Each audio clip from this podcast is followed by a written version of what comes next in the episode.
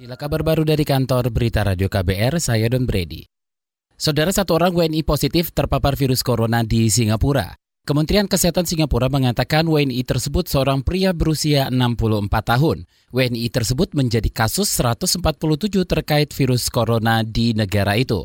Dikutip dari rilis resmi KBRI di Singapura, Kementerian Kesehatan setempat menyatakan kasus ini sebagai imported case yang artinya WNI diduga kuat sudah terinfeksi COVID-19 sebelum berkunjung ke Singapura. Ajang balap Formula 1 atau F1 Bahrain di sirkuit internasional Bahrain pada 20 hingga 22 Maret bakal digelar tanpa penonton karena wabah virus corona. Kebijakan ini diambil untuk mencegah penyebaran virus semakin luas. Apalagi Bahrain termasuk negara yang paling banyak terkena virus corona di Timur Tengah setelah Iran. Tercatat 80 lebih warga di Bahrain tertular virus corona. Pemerintah Bahrain juga membuat larangan izin keramaian di sejumlah kota. Dilansir dari CNN, sedikitnya 105 event olahraga, lokal maupun internasional, terganggu penyebaran virus corona. Saudara demikian kabar baru dari kantor Berita Radio KBR, saya Don Brady.